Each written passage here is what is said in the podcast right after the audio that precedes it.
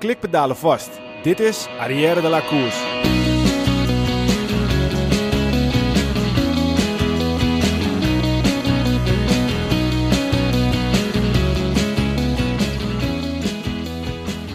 Het seizoen zit erop, de bladeren zijn gevallen en Azië is veroverd. Maar zit het seizoen er eigenlijk echt op? Voor ons niet. Wij kijken uit naar soppige stranden, modderpoelen, ijsvlaktes en stoempende renners met hun bakkers vol in de wind. Zien we Mollema nog terug deze winter? Gaat van de Poel een strandrace rijden? Zien we Van Vleuten vaker tot haar knieën in de modder? Lieve luisteraars, het genot op twee wielen stopt nooit. En wij, wij dus ook niet.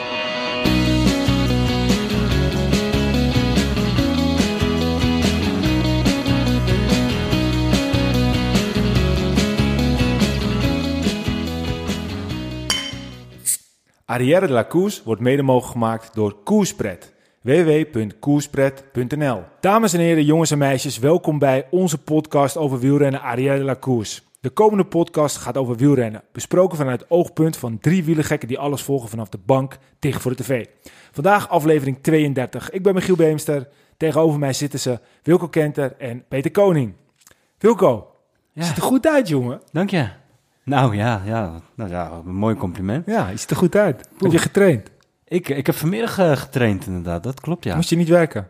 Nee, ik, eh, woensdagmiddag moet ik altijd eh, veldtraining bij de fysio voor revalidatie van Ah, oké. En dat is een uur, dus het echt, echt keihard de rennen, lopen, springen. Echt, je wordt helemaal afgemaakt, om het zo maar even te zeggen. Het is echt afzien, zware training. Zijn de benen winterklaar? Nou ja, voor mijn niveau zijn ze zeker winterklaar. Ik ben natuurlijk niet zo ver als alle andere mannen die aankomende zondag eh, het strand op gaan. Maar, ik heb eh, gehoord dat jij nog in een strandrace gaat meepikken. Is het zo? Ja. Wie heb je gesproken dan? Nou, een, eh, eh, M, M eh, van L zei dat. Oh, die ja. Ja, maar dan moet je niet altijd al te serieus nemen hè, op dat vlak. Ah, oké. Maar goed, je weet nooit, nooit hè. Als hij een pakje fietsen zo alles geregeld heeft voor me, ja, je weet het maar nooit. Nou, zeg het niet te hard, zeg het niet te hard. Nee, dat is zeker waar. Hey Peter, eh, heb je veel gekeken de laatste periode? Eh, niet heel veel, wel regelmatig wat, maar eh, eerlijk gezegd heb ik uh, veldrijden niet echt gekeken. Wel veel, ik heb Lombardije een stukje gezien, ik heb een stukje van Japan Cup teruggekeken en ja, ik heb wel wat, wat gezien nog. Ja. Nou ja, goed eh, jongens, we zitten weer. Arrière 2.0 de tweede keer. Ik bedoel, eigenlijk Arrière 2.1.2 of, eh, of hoe is dat? Dat gaan we allemaal niet doen natuurlijk, dat wordt veel te ingewikkeld. Nou, wel veel leuke reacties hè, erop. Ja. Dat is hartstikke leuk. Nou ja, goed, kijk, eh, ik denk dat we gewoon de komende tijd eerst gewoon heel veel podcasts moeten maken. En als mensen het dan allemaal leuk vinden, dan kunnen we vanzelf wel weer recensies gaan voorlezen en, eh, en ook laten weten wat de mensen van vonden. Maar inderdaad, wat jij zei, er waren een aantal goede reacties en dat Zeker. horen we graag. Want ook eh, ja, gewoon een goede luisteraars. Dus mensen zijn blijven hangen en, Ja. eh, en, eh, en dat gaat goed. En eh, we gaan het deze winter gewoon, eh, gewoon doortrekken. En dat is, eh, Precies. dat is zeker de bedoeling. Mooie windkost. Ja, hey, we kijken nog even terug op de laatste periode. Kort natuurlijk dan. En eigenlijk wil ik maar één naam noemen. En dat is eh Bauke Mollema. Ongelooflijk hè, super mooi. Ja, wat een held hè. Ik heb echt van genoten. Hij was, hij was zo waar een beetje onder de indruk van zichzelf. Ja, mooi. hè. Ik zei het in de app, hè, jongens. Hij ging, jongens, Bouke gaat. ja, dat- dan is het een beetje. Dan, of, of het is alles, of het is niks. En dit keer was het alles. Ja, dat is genieten, Ja. man. Ja, en ik vond het ook echt, ik vond het echt mooi om te zien dat hij helemaal, eh, echt helemaal moest huilen. En ik weet niet of jullie dat ook nog mee hebben gekregen, maar er was een shot waar hij eh, de laatste bocht doorkomt. En dan zie je als het ware een vrouwtje echt zo vet staan schreeuwen daar zo. Dat bleek gewoon zijn moeder te zijn. Ja, Ik kan je je voorstellen dat de moeder van Bauke Mollema zo eh excentriek uit het dak kan gaan. Fantastisch ik om te vond het zien. echt zo geweldig, Ja. joh. Ik vond Ja, het echt geweldig. Dat, eh, toevallig ook dat dat shot, dat precies daar in die hoek. Ja. En eh, dat er een zo'n vrouw hysterisch in die bocht staat te schreeuwen. Ja, dat is wel... Maar kan jij, ik kan bijna niet geloven dat de moeder van Bauke Mollema hysterisch kan zijn. Ook op een goede manier, maar Ja, dan lijkt hij dus op zijn vader. het lijkt hij op zijn vader. ja. Ja. Goed, hij moest zelf ook een traantje laten. En eh, ja, hij won de ronde van Lombardije. Na de Classica San Mollema hebben we nu ook nou ja, de ronde van Lombard Bauke, om het zo maar te zeggen. Dus eh, ja, hij, Ja, ja, het was straf. Het was echt heel straf wat hij daar heeft gedaan. ja, een van de grote monumenten. Maar aan de andere kant, hij heeft nu al gewoon twee grote koers op zijn naam staan. Hij heeft de Classica San Mollema en dan eh, de ronde van uh, Lombard Bauke. En hij heeft gewoon een tour-etappe op zijn naam. Hè? Laten we dat ook niet vergeten. Dat is ook gewoon heel en eh, groot. het sprintklassement in de, in de, in de Vuelta. Podiumplekje in de Vuelta. Ja, het is eigenlijk, we hadden het ook eventjes met elkaar erover van wie is nu op dit moment de Nederlandse grootste renner. Nou, ik denk persoonlijk dat Dumoulin dat is, want die heeft een grote ronde gewonnen. Ja. Maar daarachter, ja, de Mo- Mollema zit, eh, zit dichtbij hoor. Ja, ik, ik denk dat je niet echt een keuze kan maken tussen één van Terpstra. de renners. Kijk, Terpstra, Mollema, Dumoulin, wat zij gepresteerd Er hebben. wint gewoon twee monumenten al. hè. Ja, ja, ja, maar Mollema die wint dan wel eh klassieke zo'n Mollema. Dat is ook gewoon een hele grote wedstrijd. Ja, dat vind ik ook echt zeker weten. En, eh, en hij pakt etappen in de Vuelta, hij pakt etappen in, in de Tour. En dat heeft Terpstra dan weer niet. Dus al met al, ik vind ze allemaal... Ja, precies. Het kampioen, ja. ja, is toch ja, zo? Zeker Europees kampioen.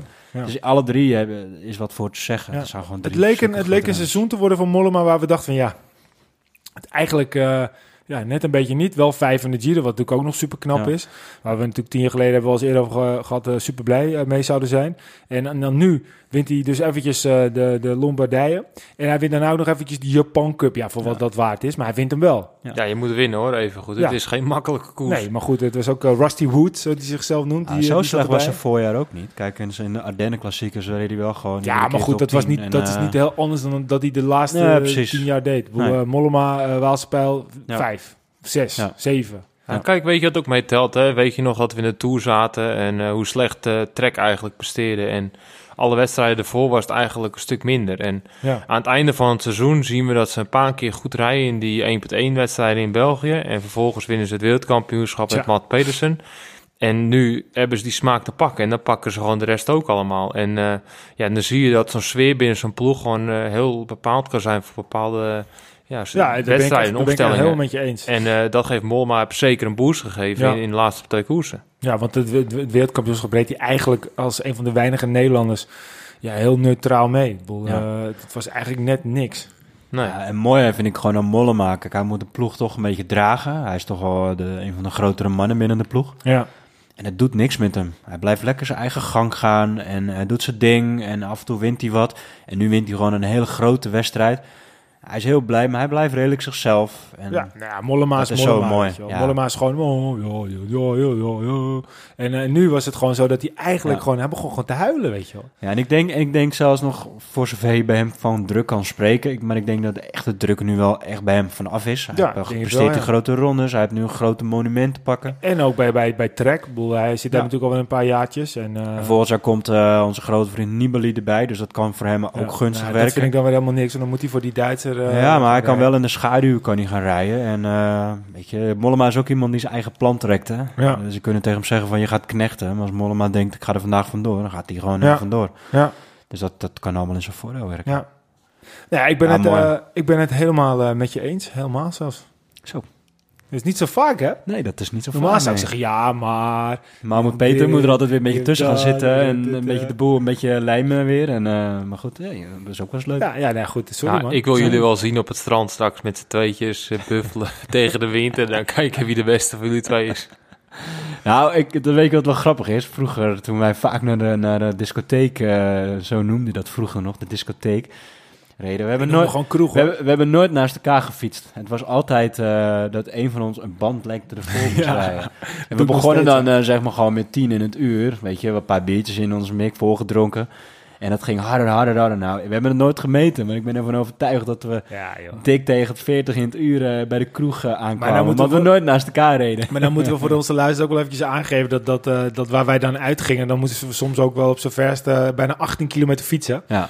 Dus dat was ook wel een redelijke tijd ervoor om hard te kunnen fietsen. Maar ja, Dus ja, ik kan me dus niet op- meer voorstellen. Dat Dus op nu, het eh, strand zullen we niet naast elkaar rijden. Dat zal altijd achter elkaar zeker, zijn. zeker. Maar we hebben Peter toch? We- Bij, bij Peter kunnen we zijn wiel. Ja, we gaan mooi zo'n eh, zo'n zo'n stang eraan zetten. Dan Ja, kunnen we mooi een beetje zuigkracht. Ja. Nou, volgens mij hebben we ergens vaag afgesproken dat we Hoek van Hond en Helder zouden doen met z'n drieën. Maar eh, dat wordt hem niet, denk ik. Ja, Ja, maar nee. dat is wel... te- voor ja, mij was het te ja, ja. ambitieus. eh, maar voor mij was dat te ambitieus. ja, ik maar, kan me daar echt niks van herinneren. Ik, eh, ik kan me echt niet herinneren. Dat is 2020. maar goed, in het nieuwe jaar er zijn er nog heel veel. Dus eh, wie weet. eh, Nou, ik, zou er wel, ik zou er wel eentje willen rijden. Kijk, Ja. ehm, de komende weken ben ik altijd eh, nog redelijk druk met, met mijn werk. Er moet ook nog gewerkt worden op zondag. Maar eh, ja, daarna, dan, eh, ik zou wel in januari wel zo'n race willen rijden hoor.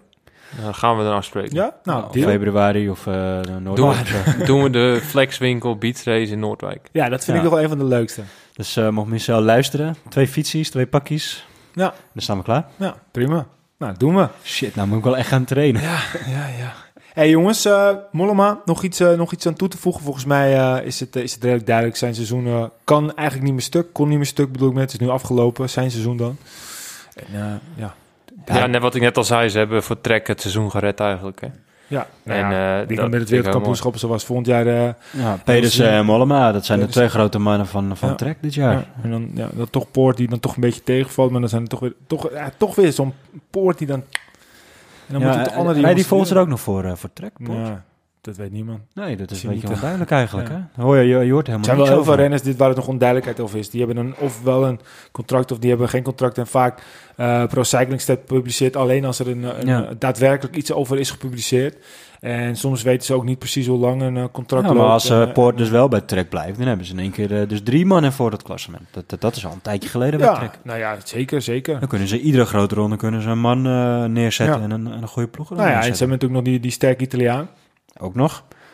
Die Dus, eh, eh, de, gewoon de, de, de bolletrui, of Ciccone. tenminste de, de Ciccone, de bergtrein in, eh, in de Ja. Giro won. Die eigenlijk vorig jaar alweer een best een stap had gemaakt ten opzichte van het jaar daarvoor. Ja, dus het is best wel, ze hebben best wel een leuk natuurlijk een geel, een geel nog even gereden dit jaar in de Tour. Ook nog. Ja, dus ook een goede. Nou, we wachten het af, wachten het af. hey, we gaan eventjes ke- een korte blik op de wielenwinter die eraan zit te komen.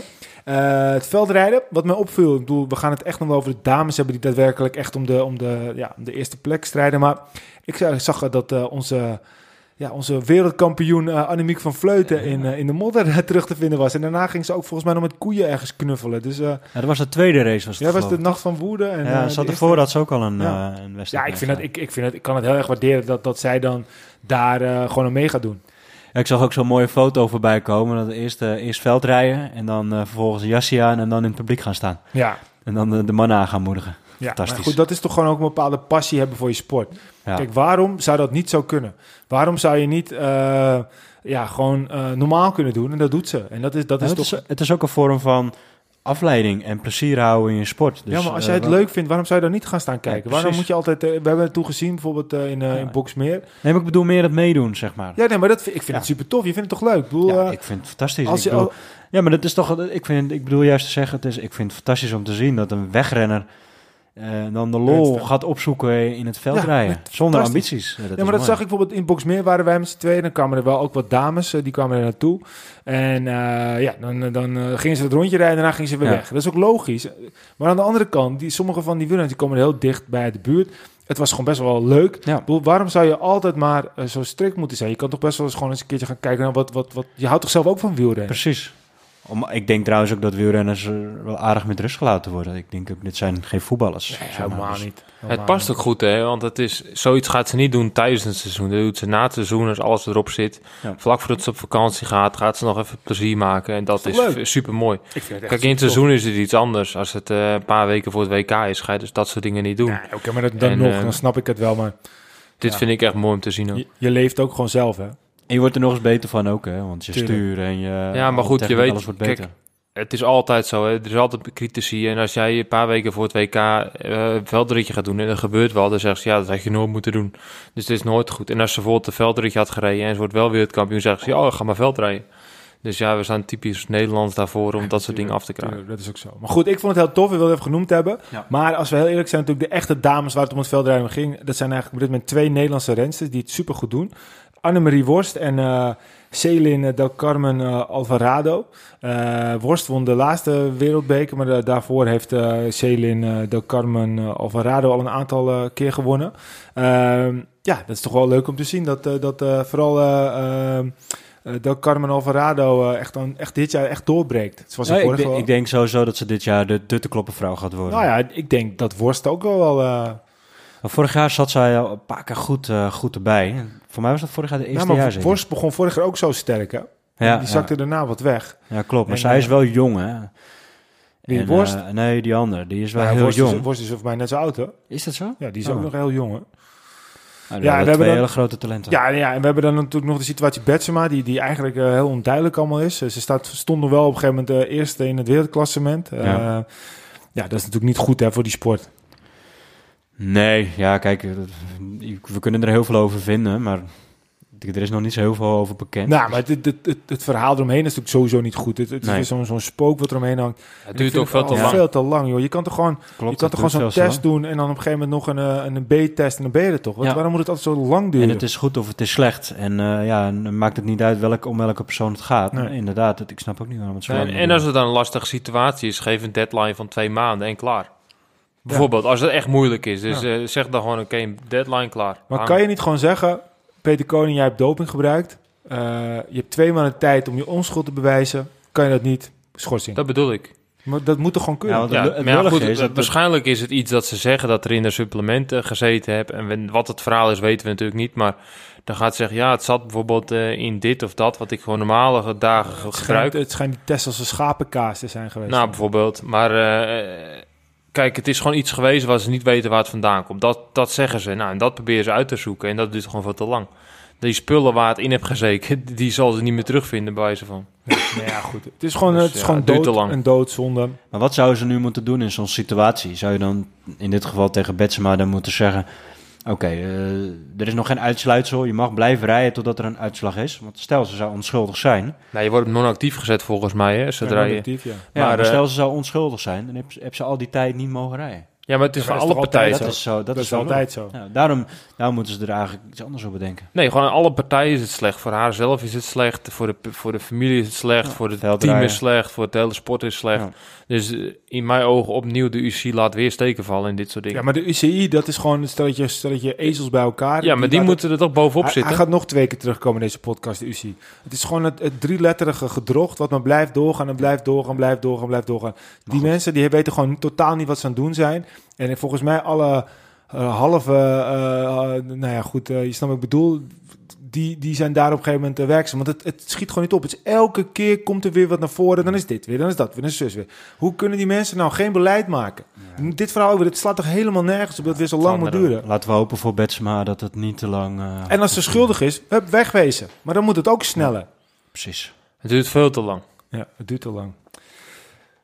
Dan de mannen. Ehm, eigenlijk ook een beetje een echt een nieuw haantje in, eh, in, eh, in, in, eh, in, in town. Eh Easy Beat, Easy. Ik, ik, elke, wordt elke Het, he- het anders, heeft mij wel een beetje verrast. Ik, ik had hem nog niet zo heel vaak voorbij zien ah, komen. hij was, hij was wereldkampioen hè, bij, bij de belofte. Ja, klopt. Maar nu bij de senioren... Nee, maar hij had wel veel potentie. Veel Dat is potentie. En ja, nu zie je natuurlijk dat Wout van Aert is er niet. En Van der Poel is er niet. Toon Aert, als ik heel eerlijk ben, valt hij me tot nu toe een beetje tegen. Ja, dat, dat is wat ik dus net wil zeggen. Daar had ik dus meer van verwacht. Ja, maar misschien is die Easy Beat, eh, Easy Beat. Hoe spreek je nou zijn naam precies uit? Iserbiet. Easy Beat. Ja. Is hij heel erg goed? Ja, dat kan. Hij Ja. is de nieuwe Wout van Aert, uh, Mathieu van der Poel van het veldrijden. Ja, dat zou Nou, ik denk niet dat hij gelijk op de gelijke hoogte staat met Van der Poel en eh, ik Van Aert. Maar. Het is gewoon nu, hij is gewoon heel goed gestart. En wat je net zegt, Toon Aerts, die heeft misschien wel iets hard getraind en iets te gretig. En die wist natuurlijk dat hij misschien de klopt man zou zijn, een beetje druk en alles bij elkaar. En eh, als dat er niet uitkomt, komt het er gewoon niet uit. Nee. En Nou, dan, goed. staat, dan is er iemand anders Ja, die maar aan de andere opvult. kant, die Easy Beat is eh, ook geen verkeerde. Nee, is geen verkeerde. Ik bedoel, eh, volgens mij is hij zelf tweevoudig wereldkampioen bij, bij de belofte. Ja. Ehm, ik heb hem toen gezien in, in Valkenburg. Eh, ja, die, die kan wel wat hoor. Ja, zeker. Het is wel een, echt een aankomend talent. Maar om hem nu te vergelijken met een Van der Poel of Van Aert... vind ik nog wel een, Ja. stapje te ver. Hij was, eh, de, hij was de ex van een Puck Monen. Niet dat mensen, het maakt niet uit waarom, maar Puck Monen is natuurlijk de, de wielrenster die eh, vaak wordt genoemd eh, omdat ze goede looks heeft. Eh, ik weet dat ze ook eh, sinds kort, of tenminste alweer een be- best een tijdje alweer uit elkaar zijn. Misschien heeft hij nu uiteindelijk gewoon de focus op wat hij moet doen en, eh, en eh, rijdt hij daarom zo hard. Ja, het zou kunnen. Volgens mij heb je alweer een nieuwe vriendin. Ik had ergens in Sporza of op nieuw, Nieuwsblad eh, wat over gelezen. Maar eh, We zijn een beetje Ja. de boulevard nu. ja, ik lees de Nieuwsblad wel eens. Lees jij dat? Ja, Vind ik nog helemaal niks van jou, de achterklap. nou, op Twitter, als er een Nieuwsblad was langskomen, dan, eh, zie, dan lees je wel eens wat. Ja? En dan eh, zag ik dat langskomen. Dus Wat staat er nog voor nog meer eh, in zo'n de Ja, achterklap ja, op ja, ja, ja, ja. het- Nou ja, vandaag had het Leverva, geloof ik, eh, iets met eh wi- wisseltruc met Bora of zo. Oh, ik dacht ik. met iets met zijn buurvrouw of zo. Maar Ah. Nou, gaat, nou gaat de hele story komen hier. eh. Oké, nee, dat, dat is waar, dat is waar. Nou ja, goed, in ieder geval, eh, het- ik denk dat straks op het moment dat eh, Van de Poel eh, inschrijft, dat we dan echt zien hoe de, hoe de, ja, hoe de, de, de, de, de punten verdeeld zijn, hoe de mannen ervoor staan, toch? Ja, het zijn wij benieuwd inderdaad. Als Van der Poel weer gaat rijden, of hij dan gelijk weer eh, oppermachtig is. Of dat het een bepaalde aanloop nodig heeft. Omdat hij... Ja, Ik ben vooral Ik benieuwd wanneer hij gaat starten eigenlijk. dat is toch redelijk duidelijk begin november, toch? Hij Ja, zou eh, deze week eh, al beginnen. dat het heeft hij... Ja. Ja. Ik dacht begin november dat hij zou gaan rijden. Maar we gaan het beleven, hè? Ja. Ja, dat is volgende week natuurlijk. Ja, dat zou kunnen. Hey, en dan over naar die andere groeiende sport in de winter eh, op het twee wielen, het strandracen. Eh, eventjes het, even, even het koppelingetje naar Van der Poel. Denk je dat hij ooit een keer een strandrace zou gaan rijden? Ja, Eh, zeker wel. Maar wanneer, eh, geen idee. Ik denk het niet nog. Nee? Want hij, hij zit in de, win, in de veldrijden en dan krijgt hij gewoon heel veel startgeld. En eh het strandrace is nog niet op dat niveau. Maar dat ook je, niet als, dat- als Dumoulin me een WhatsAppje stuurt van... Hé, hey, eh, Mm. Mathieu, ik, eh, ik rijd deze. Want Maar het hoeft ook niet nu, het kan ook over drie, vier Ja, jaar. Oké, maar, maar Dumoulin heeft toch ook vorig jaar zo'n race gereden? Niet Ja, vorig Kijk, jaar, maar Dumoulin vindt dat leuk. En die, die krijgt geen startgeld in het veldrijden. En Van der Poel die gaat sowieso dat clashen bewijzen van met een wedstrijd in het veld. En ik denk dat hij daarvoor toch gaat kiezen Ja? voor, eh, Ja, voor dat- zijn fans en zijn publiek. Het zou wel het vet zijn, toch? zou heel vet zijn, maar Ja, het strandrace past totaal niet in zijn agenda, aangezien Nee. iedere week een, eh, een veld Nee, maar dat is wel zo. Maar het zou wel, ik ben wel benieuwd hoe hij dan daar huishoudt. Want voor mij vindt hij echt gewoon afgetekend. Nou, waar ik het meest benieuwd bij ben, eerlijk gezegd, ik heb erover na zitten denken natuurlijk. Eh, dit jaar hebben we gezien dat de jongens vanuit de crossen zo goed overkomen naar de weg. En ik ben benieuwd wat wegrenners gaan doen de komende winter, Dat- of ze het gaan dus veranderen. En ehm, ja, ik hoor nou bijvoorbeeld dat Piotr Ravik gaat kiezen om mee te doen met Hoek van Holden Helder. En misschien is dat wel een van de achterliggende gedachten, dat ze in de winter Ja, ook dat- eh, dat prikkels. al, ja. En je hebt zomaar kans, want strandrace is natuurlijk heel laagdrempelig om daarin te gaan beginnen. En het is een uur lang volle bak koers en die kan het hard maken zelf willen. En dat heb ik zelf afgelopen jaren gedaan en ik merk gewoon dat het heel goed is. En ehm, ja, ik denk dat heel veel renners op de weg dat gaan volgen en in de winter gewoon zeggen... Dat zou ga- toch wel wat ja, zijn. maar ja, weet je, Langeveld, die, die hebt toch ook gezegd... het gaat er niet om of je wint, het strandrace. Het gaat erom inderdaad dat je lol hebt. Maar buiten dat, je kan, je kan buiten eh, een rondje gaan trainen. Maar je kan er ook voor kiezen om, eh, om het wedstrijdelement op te zoeken. Maar die, die- en daar heb je gewoon profijt van in het voorjaar. Timothy Dupont, die, eh Ja. die eh, Egmond, eh Pierre Egmond won. Ja. Eh, we hebben hem nog even gesproken, die Precies. vertelde het ook. Ja. Eh, ja, zo zijn er wel meer. Sinkeldam die daar Ja. ook, ook reed. Eh, Ja, maar kijk naar op het iets ander niveau of Melfort. ja, maar die, die, die rijdt gewoon... Kampioen. Ja, en die weken na wint hij Stefan Zwolle. En dan de eerste die paar heeft wel een wedstrijden... seizoentje neergezet ook. Hè? Ja, maar aan het begin van het seizoen staat hij er gelijk. En dat Ja. heb zeker een voorbereiding op het strand. eh, heb je er profi- profijt van. Ja, maar En, er zijn, eh, er, er zijn er, eh, Ten Dam, die, die, ja, die bakte er niet zo heel veel van, dan, Ja. als ik eerlijk ben. Maar die reed het ook. Die reed ook die ja, strandraces. het is, ik, het is gewoon heel erg leuk. Het is een uur lang vol gas. En Ja. eh, En het is redelijk risicoloos. Eh, in de zin van grote valpartijen. En eh, iedereen is redelijk op zichzelf nou, er is veel ruimte. Ik denk dat, Ja. dat ze nu nog wel wat gevallen Dus maar je kan veel beter hard gaan strandracen dan dat je een lange duurtraining gaat doen. Nou ja, als dat, als dat blijkt dat dat net zo goed is, zeker. Ja. Ik kijk wel naar uit, want eh, we gaan zeker natuurlijk weer een aantal keer daar aanwezig zijn in ons veel te dunne jasje, Wilco. Ja. Waarbij de bok In de en regen is in de regen, ja, kijken naar, naar Peter zijn prestaties. Maar ja, hartstikke leuk.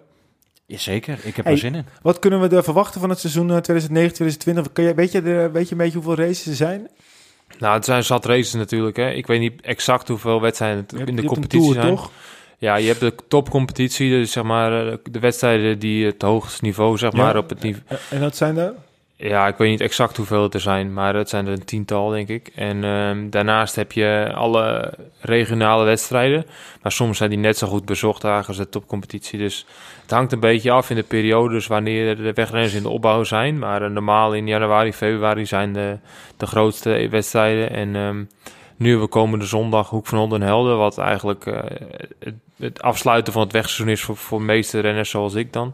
En dan eh, wordt de Begin start... van het standseizoen. Ja, begin van het strandseizoen. En dan in, in november heb je een paar kleinere. En eh, ja, misschien dat ik wel één of twee meepik zonder iets, met iets minder training. En dan vanaf december weer opbouwen naar het volgende wegseizoen. En dan heb je natuurlijk nog het EK, die vorig jaar gewonnen werd op Boom. Ja, klopt. En Ja. die is dit jaar geloof ik in Frankrijk. Dus, In eh, Frankrijk? Ja, in Frankrijk. Een strandrace in Frankrijk? Ja, in Frankrijk is strandrace ook wel eh, groeiend. En ehm, afgelopen jaren zijn er verschillende keren dus een wedstrijd geweest waar ook Nederlanders naartoe gingen. En ehm, ja, misschien gaan we ook naar Frankrijk toe voor het EK. Oh, wat vet. En, eh, en het NK is dat weer Rokanje? Volgens mij wel, ja. Dat vond ik wel leuk. Het was een mooie, Ja. mooi sfeertje. Het was mooi Zeker. weer toen, hè? Toen. Ja, was goed Zo, weer. Zo echt... eh, Ik, je zou- nog- ik zou het doen. Jij rijdt altijd eh, top 20 op het strand, dus dan hoor je daar zeker thuis. Ja. Ja, goed. Ik, kijk, het is net als in. eh, het, is, het is natuurlijk niet een, offici het is een officieel EK, maar het is wel een open inschrijving. Dus Ja, iedereen eh, kan in principe inschrijven tot het limiet. Maar ehm, ja, als de Nederlandse topcompetitie in de punten halen, dan mag je sowieso starten. hm. Dus we zouden eh, eventueel de eerste twee kilometer kopwerk voor je kunnen doen. In principe, eh, als je punten halen, wel. ja, dat wordt dan wel een beetje lastig. Ja. hey, we hebben zo nog een leuk, eh, leuk dingetje. Eh, we hebben speciaal voor de, de Hoek van Holland Den Helder strandrace... mogen we een mooi biertje leveren. Ja, super vet toch? Ja, ik vind het echt super vet. Hoeveel mensen doen er mee? 1600 geloof ik? Eh, ja, 1400 dacht ik. 1400. Ja. Dus wij, eh, dus dat is ook, we mogen het ook nu al vertellen volgens mij. Ja, iedereen die finest, eh, die krijgt een, eh, een speciale koerspret met een speciaal etiket. Het biertje wordt mede mogelijk gemaakt door eh, de organisatie en door Buff. Buff, Buff. Ja, Buff, goed, ja. Buff. Ehm, ja, dus doe je mee, dan krijg je sowieso een koerspreetje op het eind in de hand. Ja, leuk hè. Ik, eh, toen ik het hoorde, moest ik echt eh, glimmen van oor tot oor. Ja, ik vind het echt vet, ja. Het is gewoon vanuit, eh, ja, vanuit een, een geintje eigenlijk hebben we gewoon zoiets Ja. neergezet. En Ja, nou, het is gewoon zo goed ontvangen bij heel veel mensen. En dan, eh, dan dat een wedstrijdorganisatie zegt van nou, wij vinden dat ook leuk, we willen wat mee doen. En ja, dan is het idee eigenlijk ontstaan om, eh, Ja. om dit te gaan Een doen. speciale badge hebben we zich Ja. voor ze. En, die En ze zijn nog super mooi geworden. Echt heel mooi Ja, het geworden. is vet, hè? Ja, ik vind Ja. het ook vet met je zandkleuren. Maar mensen moeten maar zien die meedoen. En eh er gaan dus gewoon 1400 mensen ons biertje proeven. Ja, dus hoe gaaf is het, hè? Je doet mee aan een strandrace, je hebt er keihard voor getraind en je wordt er gewoon fantastisch voor beland. Ja, maar het is ook wel weer grappig wat Peter zegt. Bedoel, Wij komen met een geintje, wel, we gaan bier maken. Ja. En dat nu straks gewoon daar... eh nou, pallets vol klaarstaan voor iedereen die, eh, die een strandrace meedoet. Weet je wat me wel leuk lijkt? Dat eh, als mensen dus dit luisteren en die de strandreis ook meedoen, of ze dan dat willen delen onder, dit, eh, onder de bekendmaak van de podcast. Ja, dat ze Een fotootje. Ja, plaatsen of inderdaad. gewoon even een... eh, je, we hebben een eh, Instagram eh, koerspread. Ja. Eh, eh, of, of waar die hele koers, dat ze ons gewoon even taggen in de Instagram story of op Facebook, weet ik veel Precies, waar. even een mooi fotootje Twitter, online Een fotootje gooien. en dan zeggen Ja. we hebben hem. Dat is toch lachen? Ik ben Ja. benieuwd hoeveel mensen luisteren en ook de wedstrijd meedoen. Ja. En mensen kunnen het ook gewoon nog steeds bestellen, hè? want eh, we hebben het ook gewoon nog steeds online. We gaan niet te veel reclame ervoor maken, maar eh, ja, goed, dat moesten we toch wel even delen. Dat tijdens die strandrace echt tuurlijk. de koerspet weer een sprongetje gaat maken. En dan doet ons hart ook weer een sprongetje. Ja, dan geeft hij er ook extra motivatie om de finish te halen, hè, die meerijdt. Ja, ja zeker, zeker, zeker. hey, we gaan verder naar eh, het volgende onderdeel. En dat is eh, de renner van de week. De renner van de week, eh, nou, vorige keer zijn we natuurlijk mee gestart. Uh, hoeft niet per se de beste renner te zijn. Eh, het kan ook een renner zijn die, eh, die erg opviel. Of een renner met een verhaal. Het kan zowel negatief zijn of positief. Eh, alle drie eh, kiezen we elke week een renner uit. En eh, we trappen dit keer weer af met Peter. Nou, ik heb eh, gekozen voor eh Dylan Groenewegen. Ik, eh, in deze week in het nieuws kwam je dat hij bijgetekend had bij Jumbo-Visma. En wat het supergoed is, denk ik, voor het Nederlandse wielrennen. Nederlands beste sprinter. Dit jaar, eh, einde van het seizoen, wordt ook altijd de, de staartjes bekendgemaakt wie de meeste zegens heeft. En als je dan ziet dat Dylan gewoon eh, even 15 zegens dit jaar pakt, dan eh, is hij dit jaar in mijn ogen gewoon de beste sprinter overal. Misschien niet de meest aansprekende overwinning in sommige meningen van mensen, maar ja, winnen maar eens 15 en daarna bijtekenen bij het Nederlands team is gewoon... ja, ik ben blij dat hij in, bij Jumbo blijft. Zeker. Hij komt nog eventjes terug straks in, eh, in, een, in, een, in onze andere rubriekje. Eh, dus ik eh, ga er niet nu te diep op in. Maar ik denk dat het heel mooi nieuws is. Wat vind jij, Wilco?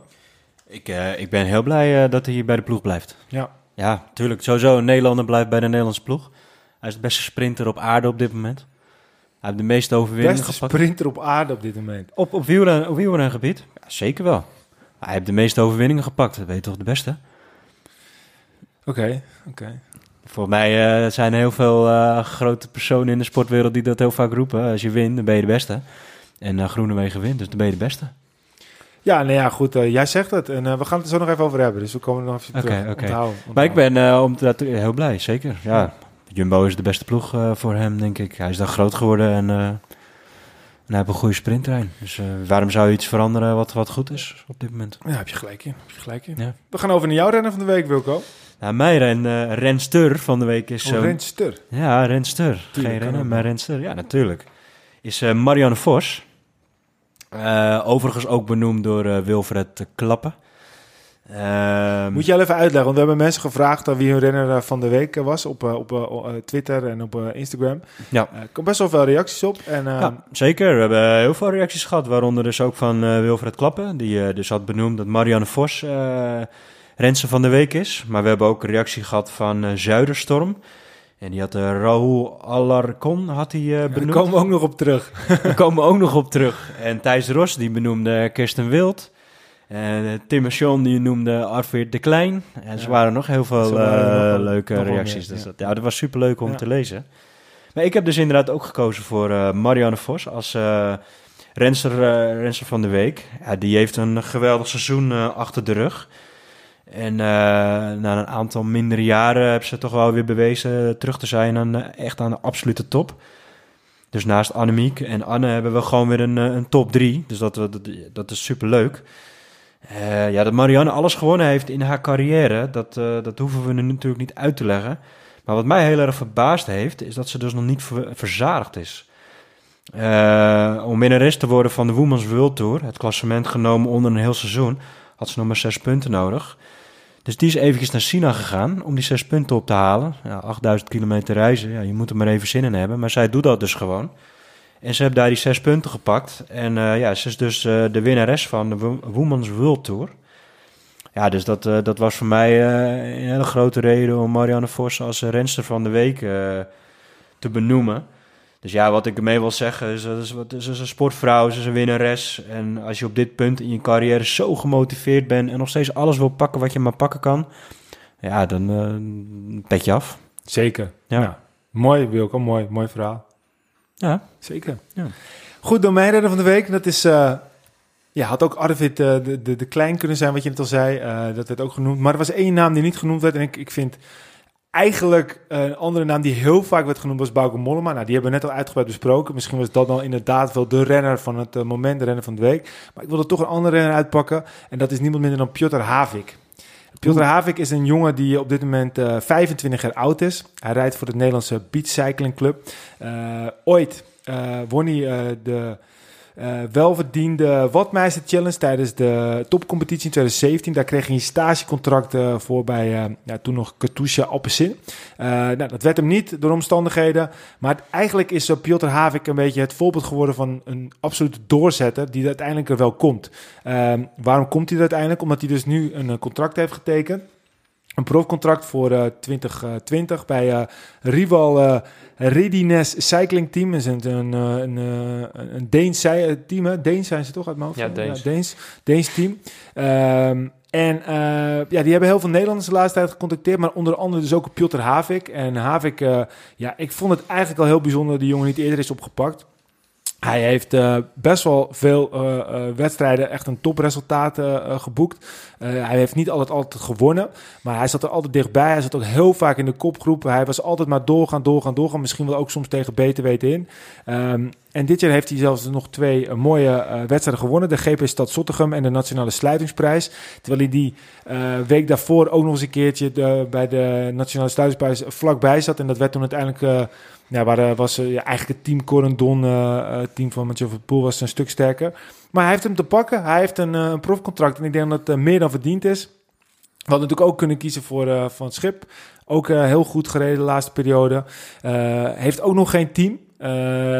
Ja, en, en ik denk dat het, enige, het enige wat we tegen Van het Schip kunnen zeggen is... jongen, vooral doorgaan en kijk heel veel naar Piotr Havik. Want als je doorgaat, uiteindelijk komt het echt goed. Dus uh, Piotr Havik... maar hij won toch ook eh, een paar dagen daarna gelijk een koers? Ja, hij won eh, de GP van, Stad Zottegem en daarna ja, de toch? Nationale Ja. Sluitingsprijs. Ja. Dus Ja, mooi voor hem. Ja, Ja, dat, dat is dat mooi. is geen UC-koers, toch? Puttenkapelle is laatste, is een kermiskoers geworden dit jaar. Nou ja, goed, maakt me niet uit. Ik vond het wel ja, is knap, zeker. Ja. Het, hij is eh, sinds, ik de- weet de nog goed, Belgische top was aanwezig en hij reed daar met zijn beat eh, cycling eh Ja. pakje toch mooi tussen. winnen ik weet nog dat hij eh, bij de jeugd reed. Toen wij ik heb samen met mijn broertje ook bij de jeugd gereden. En eh, hij was een categoriegenootje van mijn broertje, geloof ik. En hij won eigenlijk altijd alle wedstrijden die er waren. En eh, ja, sindsdien is hij bij de junioren ook die lijn doorgezet. En eh, op een gegeven moment de belofte werd het iets minder aan het begin. En eh, ja, wat Michiel net zegt, het volhouden wint. En hij heeft er iets langer over gedaan misschien wat hij zelf had gehoopt toen hij bij de jeugd fietste. Omdat hij zoveel won. Is het zo knap dat je eigenlijk niet hebt opgegeven omdat je eigenlijk gewend bent om heel veel te winnen. Als je snapt wat ik bedoel. Ja, En ja, dat, dat heeft verdiend de profcontract. ja. zeker. Zeker. Zeker. We gaan verder met eh, in het nieuws. Ehm, als eerste kijken even naar Peter. Eh, er zijn wat luisteraars die ook de vraag hebben gesteld. Vandaar dat ik ook even dieper inga. De situatie bij Evo Pro. En hoe, hoe zie je nu zelf je eigen toekomst? Ja, het is nog steeds een beetje een vraagteken. Hè? Want eh, ja, er is niet echt nog een duidelijkheid wat Evo gaat doen volgend jaar. En ehm, ze hebben natuurlijk altijd uitgesproken dat ze wel eh, ambitieus zijn en eh, verder willen timmeren. En daardoor heb ik ook de overstap gemaakt uiteindelijk. En ja, het is niet allemaal zo gelopen als ik eh, had voorzien. Maar ehm, ja, ik moet nog steeds wachten. En het is nu echt een tijd, omdat er zoveel teams stoppen, is het gewoon, ja, ze kunnen je laten wachten. Dus dat doen ze ook. En ja, dat is soms niet altijd makkelijk, maar ja, de volhouden wint, wat je net zei. En ik hou nog vol en ik weet nog niet wat er gaat gebeuren, maar ik hoop dat er nog een mooie plek Maar gaat komt. Evo Pro anders eh, helemaal stoppen of gaan ze wel gewoon door? Nou, dat is ook nog niet eens zeker. Volgens mij gaat het gewoon door, dat sowieso, want ze hebben wel een aantal sponsoren aangetrokken. Maar eh, ja, er is wel eh, genoeg geld nodig om een goed Hebben continent ze op wel de aanvraag gedaan voor een pro-continentaal team? Niet dat ik weet, want dat moet al rond zijn voor eh, 27 september, Ja. geloof ik, of 26 september. Dus in principe mag je alleen dan nog maar in de categorie blijven waar je in zit. En ehm, ja, dat zijn allemaal dingen achter de schermen waar ik liever niet mee bezig hou. Maar Ja, ik weet dat dat ze sowieso geen licentie hebben aangevraagd, anders had het rol, En moeten het zijn. gerucht dat ze zouden samengaan met een Hongaars eh, team. En dat ze heb ik nog nooit gehoord. Nee, dat Nee. is uit de lucht gegrepen. Ja. Maar goed, eh, kijk, ik weet ook niet alles wat er gebeurt, hè. Want eh, je bent een renner en in het management gebeuren natuurlijk soms misschien andere dingen. En misschien is er wel gepolst vanuit het management om bij een Hongaars team, dat zou heel goed kunnen. Maar ja, wij als renners hebben er eigenlijk nooit wat over gehoord. Oké, oké. Nou, ik denk dat het duidelijk is. Dan eh, het volgende punt, Eekhoff. De wereldkampioen bij de beloftes eh, op de weg, eh, die uiteindelijk niet wereldkampioen werd. Hij stapt naar de rechter. Ja, goede zaak. Hij Hele gaat naar de kas zaak. en hij, hij wordt ook aangegeven, de Nederlandse bond steunt hem nu wel in één keer. Ik vind het toch een beetje een rare verhaal. Ook een beetje straatjes schoonvegen heb ik het idee. Maar al dan niet doen ze het om een keer een, een zaak te maken om duidelijker te krijgen in de onduidelijke regelgeving. Ja, dat is sowieso goed. Hè? Kijk, eh, we hebben er al genoeg over gezegd, over wat we ervan vinden en wat er allemaal gebeurd is. Maar ja, ik vind het heel goed dat er, dat er nu een, eh, een, een renner op staat. En in dit geval is dus Eekhoff, die zwaar benadeeld is. En, en de strijd aangaat. Ja. En eh, wat de uitslag ook mag zijn. Zal het wielrennen drastisch kunnen goed. veranderen?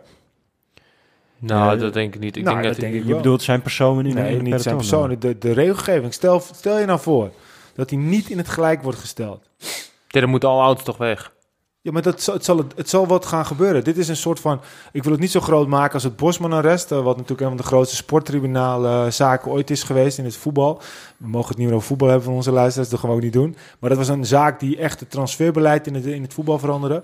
We hebben nu eh, deze zaak die eigenlijk over iets gaat wat niet mag... maar toch altijd wordt gedoogd. Stel dat hij nou gewoon of in het gelijk of niet in het gelijk wordt gesteld. Beide kanten zal een rechter nu iets over gaan zeggen. En alle wedstrijden die nu volgen, zal er altijd anders naar worden gekeken. En, en zal er elke keer weer worden gezegd: ja, maar hij dan, en hij dan, en Ja. dit dan, en zus, en zo. Ja, dus daarom gaat, het, gaat hij gewoon gelijk krijgen. Dan gaan ze gewoon zeggen, ja, sorry, En dan wordt hij dan wereldkampioen. we kunnen je wereldkampioen trui niet teruggeven, maar je hebt eigenlijk wel gelijk gehad. Zoiets wordt het. Ja, maar goed. En dat slaat nergens op, maar eh, ja, het Maar zoiets, dat, maar, dat en gaat dan, eruit dan komen. moet de UCI toch die pannenkoeken, de drieletterige drog, moet het waarom- overnemen. Hoe Waarom dat zouden ze hem die, eh, die wereldkampioenschap niet terug kunnen geven? Omdat de UCI waarschijnlijk ertussenin zit en die gaat dan allemaal dat soort onzin bedenken. Ja. Ja, ik snap wel. Maar ik bedoel, op het moment dat je bij een podiumceremonie dat kan, kan doen, dan kan je dat toch ook nog met terugwerkende kracht doen. Dus stel hij zou in het gelijk gesteld worden, dan, dan is hij toch gewoon de wereldkampioen. En dan krijgt hij het truitje opgestuurd. Zeker, nou, hij zal hem sowieso nooit aan hebben, want hij wordt volgend jaar prof bij, Ja. bij Sunweb. Maar eh, ja, goed, het leed is allemaal weer, eh, is allemaal, allemaal weer eh, goed, geweest. het is Ja, maar- positief om te horen dat, dat hij met zijn, eh, met zijn team eh, Ja. actie gaat eh, ondernemen en de strijd aangaat. Ja. En eh, hopen op een eh, mooie uitslag voor Ja. hem. Maar kijk, stel dat hij nou geen gelijk krijgt, hè, dat ze zeggen van nou, we moeten het gaan veranderen, prima. Dan moeten alle auto's achter peloton vandaan, dan is de veiligheid ook weg. En zodra iemand lek rijdt, of eh, moet stoppen om te plassen, of een jack aanpakt, of weet ik het wat, kom je altijd achter een auto. Want er is de eerste auto van de jury, die kom je hoe dan ook, als het een smal weggetje is, dan zit je er op een gegeven moment achter. En dan is het maar een klein stukje, je zit achter maar die goed, auto. maar, Ja, maar maar- dat is dus wat er gaat gebeuren. Er, moet, Ja. er, moet, er gaat iets veranderen. Ja, en dan gaan ze dus misschien gewoon zeggen, auto's blijven rechts, renners blijven links. Of Ja, andersom. maar hoe, wat dan dan als... kom je dus nooit meer terug. Maar de meeste wegen die we rijden, die is een autobreedte. Ja, nee, dan, dan op dat stukje valt er niks aan te doen. Maar zoals... Ja, maar eh, goed, dat is dus al was er een, eh, was er een bredere weg natuurlijk. en eh, hadden ze Maar, dat... maar dat blijft dan zo. Ja, dat blijft zo. Dan gaan ze dan zeggen van ja, de weg moet breder zijn dan twee meter zoveel, anders Ja. mag je niet achter de auto rijden. Dus we je- wachten het af. We wachten het af. Want Het is- we komen er zelf ook niet uit. En als een rechter dat eh, ook niet kan, dan wordt het helemaal lastig. Goed, dan onze grote vriend Raúl Alarcón. De Portugese eh, Valverde, ofwel de Portugese raket. Hij is betrapt op doping. Nou, die zagen we nou er echt niet aankomen. Maar Giel is een groot fan van, hè, van de Portugese scene. We waren heel erg verrast. jongens, jongens, we hebben hem ook wel uitgebreid besproken in een aantal podcasten geleden. Ja. En eh, ja, toen waren we wel een beetje licht cynisch, om het zo maar te zeggen. En eh, ja, uiteindelijk is het toch uitgekomen. Ik vind het wel apart dat het niet in het doofpot is gestopt, eerlijk gezegd. Ja, Dat het niet even via via zo eh, onder tafel wat geregeld is.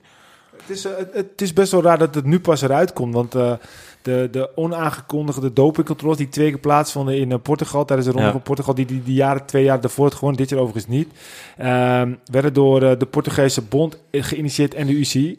Eh, ja, en uiteindelijk komt dat nu dan naar buiten. Ja, ik vind het dan, hoe kan het nou weer zo lang duren, joh? Dat is toch alweer maanden terug. Ja, nou ja, gelukkig wordt hij betrapt, maar inderdaad, ja, ja dat, dat duurt erg lang. Ja. En volgens Raoul was hij, is hij de onschuld zelf. Hij gaat Ja, eh, maar ja, dat zeggen ze allemaal. living the lie, living the lie. Goed, dan eh, naar de volgende boef. De boef van België, de nieuwe, naam voor, nieuwe bijnaam voor Nick Nuijens in de situatie met Wout van Aert. Eh, nou goed, we hebben natuurlijk de situatie dat eh, Wout van Aert misschien contractbreuk heeft gebroken met Cycling. Het, eh, Het zijn wel allemaal positieve berichten. ja, maar goed, het, het is allemaal, het, het gebeurt allemaal. Dus dat is dit ook. We hebben straks nog Ja, wat leuke ja. puntjes hoor. Maar de boef van België, Nick Nuijens, dus die gaat er niet mee akkoord. En die wil nu anderhalf miljoen eisen van Wout van Aert. Ja. Het was al een half miljoen. nu is er anderhalf miljoen. Ja, en daarna las ik geloof ik vandaag weer dat het 1,1 was. Nou ja, goed, laten we het erop houden dat het nou ja, echt het is heel, veel geld. geld is. Maar ik ben bijna bang als we het over Nick Nuijens eh, roepen... dat hij straks ook ons nog een keer eh, voor de- gaat klagen, ja. gaat klagen. Zullen we wel... Nou, we zijn gewoon een boef van België, toch? Ja, zo zouden we hem wel kunnen noemen, ja. ja. Wat was ook weer zijn echte nicknaam? is echt een nicknaam. Dat is echt een, nee, dat is echt, dat is echt erbij. Was het de bom van... eh, Of was dat, nee, ik was zei, dat ik weet het niet. Nee, ik weet het niet. Ik dacht dat het wel zoiets was. Maar goed, het is... eh, Het, eh, ja, Peter houdt wijzelijk zijn mond verstandig. Maar eh, ja, het is natuurlijk gewoon... Wilco, als ik jou voor aankijk... Wat vind jij nou van Nick Nuis? Wat ik van... ja, nee, ja, ik ga er ook niet te veel woorden over vuil maken. Hij Kijk, gaat je echt eh, niet aanklagen, hoor. Nee, weet ik, maar eh, ik wil niet onze podcast gebruiken om daar onze echt goede mening over te Daar gaan zijn we geven. voor, daar zijn we voor. Ja, dat weet ik, maar eh, het ligt nu bij de rechter. En, eh, Nou, dan zeg ik het, ik vind het gewoon lul. Ja, maar wat het ook is, het slaat gewoon weer nergens op. Kijk, ik wou mijn mond erover houden, maar eh, weet je, het is niet gelukt. de haren, de haren staan achter. Oh, wordt er even even ik moet helemaal, even verkuchen. Nee, de haren staan... nee, de haren staan recht overeind op mijn rug, man. Het, even dit is slecht voor de wielersport. Ja, dat is het sowieso. Dat gaat gewoon weer helemaal nergens over. Nee. Kijk, en daarom wil ik er niet te veel over vertellen, want we hebben er echt wel een hele goede en een duidelijke Ja, mening moet je over. gewoon kunnen zeggen. We zaten En, niet voor eh, Nick Nuis. Nee, maar goed, het is meer om het positief te houden. En we zijn er Ja, niet heel maar dat snap ik. Dat dan wordt het heel erg negatief. Je moet het zo zien. Iemand is nu lekker aan het hardlopen en die hoort dit Ja. in zijn oren en die denkt ook van, ja, die Nick Nuis. Dus die gaat nog harder hardlopen, harder, harder. Ja. Zo moet je het zien. Ja, niet dat is altijd waar. Nou negatief. ja, is de lul. Ja. ja, goed. We gaan verder naar eh, de World Tour. Krijgt in 2022, eh, of die gaan terug, of, of ze blijven, 18 teams. Maar toen dacht ik meteen, maar dat is nu toch ook zo? En dat, Maar is er vandaag al, eh, want ik las dat gisteren ook inderdaad. En vandaag zouden ze met een definitief eh ja, maar, maar, maar er bij de UCI komt nooit iets definitiefs. Nee, nee, nee. Dus dat komt ook niet vandaag, dat komt ook niet volgende week. Maar Want, want om eventjes verder te gaan, we hebben de strijd om de wildcard gezien tussen Ja. eh eh, Wanty Gobert en, eh en Corendon, Biobank. Nou, die strijd is uiteindelijk gewonnen door, door Total Direct Energy. Wanty Gobert heeft dus, is tweede geworden bij de, het niveau onder de World Tour. Maar nu blijkt toch weer dat het niet helemaal zeker is of dan Wanty Gobert groep wel een wildcard pakt. Maar het idee was dat de wildcards, de eerste twee wild, wildcards van de World Tour wedstrijden, Ja. dat werd, die werden verdeeld onder de teams die het hoogste ranglijst stonden buiten de World Tour teams. Ja. Maar nu is het dus weer zo dat Covid dus waarschijnlijk een World Tour team wordt. En dat Ja. ze daardoor weer te veel World Tour teams hebben, waardoor alleen maar weer eh, Total Direct Energy een wildcard krijgt. Maar aan de andere kant voor de Tour bijvoorbeeld verandert weer helemaal niks. Want dan gaat Total Direct Energy zijn Franse ploeg, want die Gobert heeft al jaren die wildcard. En dan komt Covid, dus die, die, die kregen... Maar die wordt een World team. Ja. Eh, du- dus uiteindelijk verandert er gewoon helemaal niks. En dan, Nee.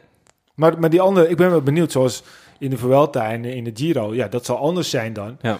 Mits er natuurlijk niet weer tegen World teams bij komen. Die Ja, eigenlijk niet komen. Ik, ik snap er eerlijk gezegd helemaal niks van. Hoe kan je nou iets aankondigen, wat op zich al zo is, maar in 2022 zo zou moeten zijn? Ze zijn toch helemaal gek? Ja. Ja, en nu is het ook de wa- waar, waar rijdt Corendon nu nog op dit moment voor? Hè? Die zijn punten bij elkaar aan Ja, het sprokkelen. Maar waar, waar, reden ze, waar reden ze voor? Waar reden ze voor inderdaad? Dus dat is nu ook inderdaad de vraag. Uiteindelijk zou reden ze dus blijkbaar voor niks. Ze hebben wedstrijden zelfs eh, ingelast en erheen gegaan. Ze reden de Chrono des Nations eh, reden ze. Maar kijk, weet je wat ik ook zo scheef vind een beetje? Kijk, je hebt teams met eh 2, 33 renners, hè, pro-continental teams. En je hebt teams met renners, met 20 renners, omdat ze niet meer eh, faciliteit hebben om die er rond te laten rijden.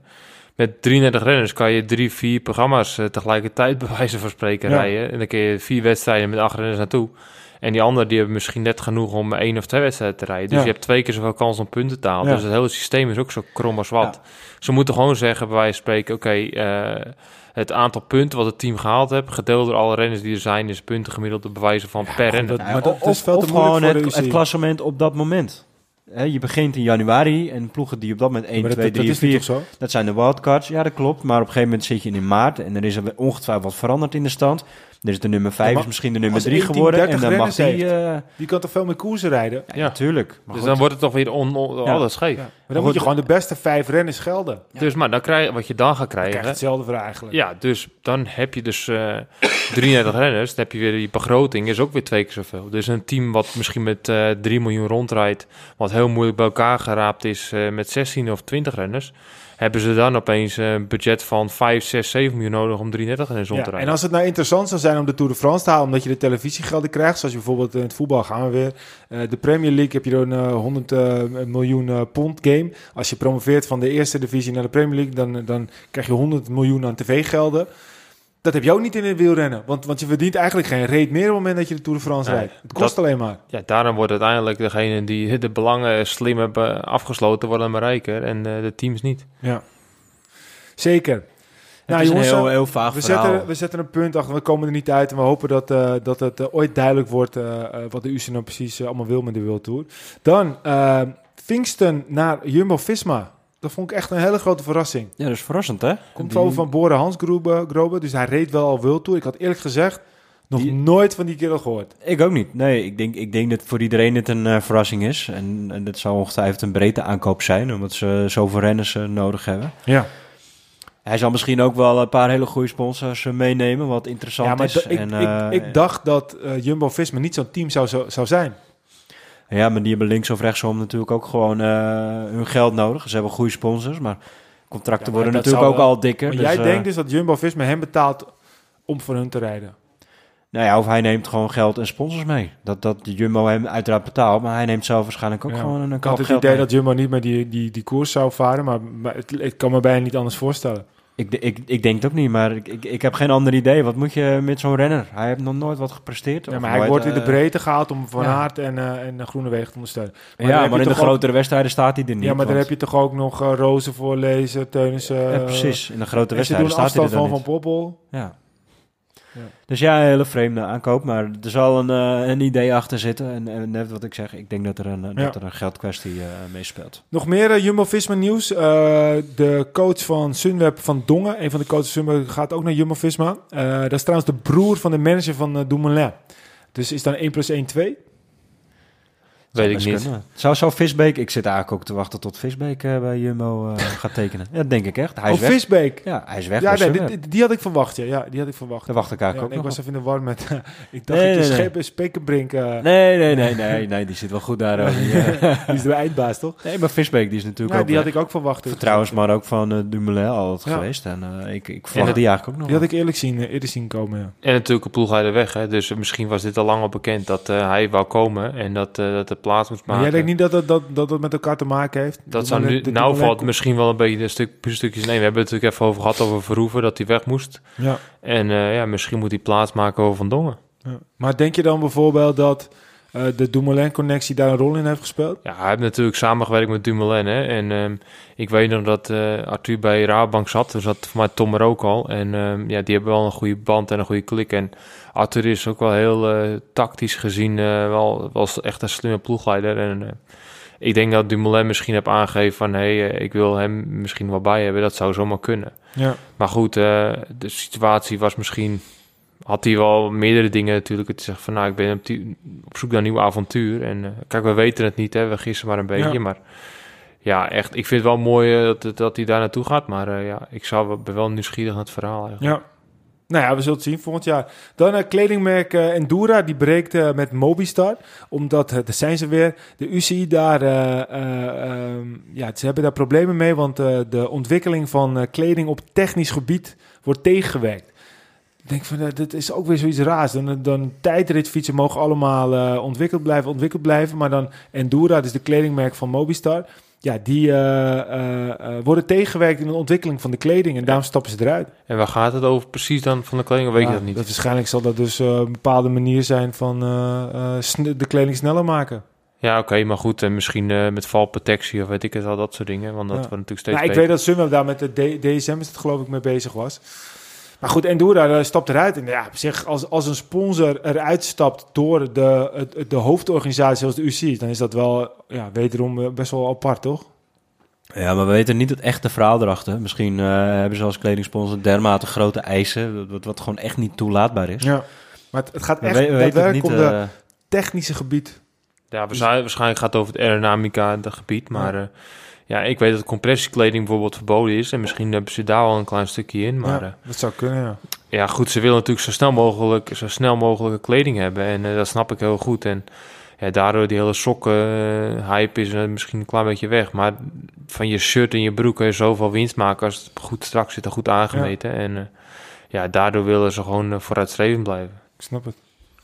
Dan eh, Mario Cipollini, hij kent niet zijn beste tijd. Eh, eerst werd hij beschuldigd door het, het slaan van zijn ex-vrouw. Nu heeft hij hartproblemen. Eh, De oude Italiaanse sprinter krijgt zijn hartslag in rust niet meer onder de 100 slagen. Dat is een, een aandoening en dan moet hij aan geopereerd worden. Hm. Dus ja, dat is toch... eh, ja, ik hoop dat het allemaal goed komt met, met mooie Mario. Het wielernieuws. Dan eh, van het schip hebben we het over gehad. Hij is populair, hij krijgt heel veel aandacht. Eh, er werden zelfs hele columns aan hem geweden van eh, nou, niet de meeste kleine wielernamen of zelfs wielrennen gerelateerde journalisten.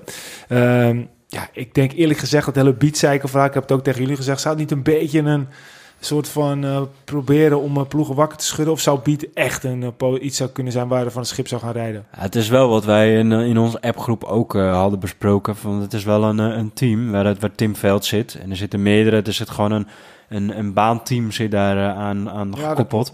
Dus richting de spelers zou dat voor hem eh, helemaal niet zo slecht uitkomen. Ja, je kan goed, je het- echte focus op, eh, op de baan eh, kan niet. Dat, dat, is, dat is waar, dat is waar. Dus in dat opzicht eh, zou het helemaal geen, verkeerde, geen verkeerd iets zijn. En dan zou het echt wel waarheid kunnen zijn. Maar, de het zou ook kant- kunnen zijn wat jij zegt, dat het een spel is. Ja, omdat ze juist die connectie hebben dat ze zeggen, oké, wij hebben interesse en dat ze proberen wat teams... eh, Ja. het, het schijnt ook dat Rival nog wel eh, wat, wat ruimte heeft, eventueel. En die willen alle Nederlanders. Ja, ja, hebben. ja, precies. Ja. Dat, is, dat, is, dat is zeker waar. Dan, eh, nou, we hebben Groenewegen het net al even gehoord. Hij verlengt. Ehm, zou het niet een klein beetje een tikkende tijdbom zijn? Groenewegen bedoel je? Ja, omdat, kijk, Groenewegen wil natuurlijk ook gewoon eh, de kopman zijn. En straks met Roglic, Kruiswijk, Dumoulin. Eh, is er wel echt een... Hij heeft al gezegd dat hij de Tour graag wil rijden. Is er wel ruimte voor uh, Groenewegen in de grote wedstrijden? Oeh, tijd zal het leren, maar uh, oeh, ja, afgelopen jaar heeft Jumbo bewezen dat het uh, gewoon kan. Hè? Grote ronde met een uh, klassementsman en een sprinter. Ja, nu hebben ze natuurlijk twee grote kopmannen. Ja. Nou, ik hoop dat hij kiest voor, uh, voor de Giro. En uh, dat hij dan uh, de Giro en misschien wel de Vuelta gaat doen met het oog op uh, het WK. Nou ja, we hebben het parcours gezien van de Tour. Ik, ik denk inderdaad wat jij ook zegt, Peter, dat het helemaal geen verkeerd idee zou zijn. Ik denk dat de Tour een helemaal jaar- niet geschikt uh, is voor... Uh, er zag er zo een paar dagen tussen. Maar lang niet zoveel sprintetappes als andere jaren. Nou, ik zou het gewoon mooi vinden hè, als Jumbo volledig focust op het klassement in de Tour. Omdat het gewoon zo lastig is, vooral die eerste week. En uh, met het WK komend jaar in België hebben ze gewoon een mooie kans om... Uh, kijk, natuurlijk zal het lastig zijn, maar als het een sprint is... dan hebben Groenewegen wel een goede papier om misschien met de sprint nog een mooie wereldkampioenkans te gaan. En misschien is het wel idealistisch gezien natuurlijk, maar ja, als hij een kans ziet, dan gaat hij misschien wel daarvoor. En... EK Belgisch, WK Belgisch toch trouwens, dat volgend jaar is Zwitserland, toch? Oh, sorry, ja, ik ben niet aan de maar ik snap wat je Oh, maar goed. Maar hij eh, heeft tot 2023 getekend. Precies, dus uh, dat hij daarmee wel in het hoofd zit. En dat je dan uh, twee grote rondes in een jaar kan doen. En dat je tussendoor gewoon uh, een goed programma afwerkt, wat hij dit jaar ook doet. En dan ja. Ja, kan je Ja, misschien we een stap moeten maken. ook niet vergeten dat uh, Jumbo met hem ook echt heel gericht aan het trainen is om uh, een, een klassieker als Milan Sanremo uh, te gaan winnen. Dus dat zijn ook nog een paar hele grote zeker, zeker, targets zeker. voor hem. Maar hè? ik, ik En, bedoel, uh, het is wel echt een mannetje. Ja. Dus ja, Ja, maar hij zit wel op zijn plek. dat is zeker waar. Dat is zeker waar. Ik zou niet een andere team weten waar hij eigenlijk dezelfde faciliteiten zou gaan krijgen als bij Jumbo. En we weten toch niet hoe het loopt. Voor hetzelfde geld uh, valt uh, Roglic in, uh, in mei en is hij lang uitgeschakeld. Ja, maar dat- Voor hetzelfde dat- geld dat- is Kruiswijk uh, niet te goede doen. En dan, en dan, wie had verwacht dat Van Aert toe zou rijden? Dat is ook allemaal last minute uh, bepaald door omstandigheden. Ja, je weet het gewoon Nee, niet. maar dat ben ik helemaal met je eens. En wat is de ontwikkeling van Van Aert? Boel, die wint nu ook gewoon een, uh, een sprintetappe Ja. in een Parijs-Nice en de Tour. Boel, hoe gaat dat ontwikkelen? Precies. En, En, eh, uh, ja. Kijk, de marktwaarde van Groenewegen is wel gewoon hoog. Hè? Ook in Nederland met Jumbo Tuurlijk. gezien. En uh, Tuurlijk. voor de supermarkt is het gewoon, uh, ja, het is een hele mooie Ja, ja, en het is sportman een om erbij te uit hebben. de grootste stad van Nederland. En dat heb je ook niet zo heel vaak natuurlijk. Precies. Oké. Dat was uh, in het nieuws. Uh, nou, hebben jullie zelf nog iets uh, wat jullie willen toevoegen, wat zeker eventjes besproken moet worden of wat niet onbesproken mag blijven, dan kunnen jullie ons altijd vinden via de social media kanalen. Dan gaan we nu verder met Uit de Oude Doos. Elke podcast pakken we een renner slash verhaal uit de doos. Luisteraars mogen dit eventueel ook zelf insturen. Dus als je een mooi verhaal hebt waarom jij van wielrennen bent uh, gaan houden... of uh, waarom jij vindt dat dat zeker besproken moet worden, stuur het ons toe. Vorige keer was Peter. Peter had het verhaal over de krekel, Paolo Bettini. Ehm, vandaag was het mijn beurt en ik heb gekozen voor Miguel Indurain. We kennen hem, hè? Natuurlijk, ja. Nou jongens, luister naar even. Miguel Indurain, geboren op 16 juli 1964 in Vilava. Uh, voor mij de eerste echt wiel, echte wielrenner die ik nooit meer zou gaan vergeten. Uh, de rustige stoïcijnse Spanjaard maakte een grote indruk op de kleine ik. Het leek alsof hij niet kon verliezen, maar na vijf keer winnen van de Tour kwam er dan toch een einde aan zijn hegemonie en ook een beetje aan het eerste gedeelte van mijn jeugd als wielerfan. Dat later bleek dat Miguel ook waarschijnlijk niet al te schoon op zijn fiets zat, brak toch een beetje het beeld van de grote bijling te kloppen man. Mart Smeets, voor mij nog zo'n jeugdheld, vertelde ooit dat hij het fascinerend vond dat Inderijn in de nacht een wandeling door het hotel ging maken. Hij dacht destijds dat hij niet sliep omdat hij bezig was met zijn plan voor de volgende dag. Het paste prima bij de perfectionistische Inderijn. Later bleek het verhaal toch iets anders te liggen.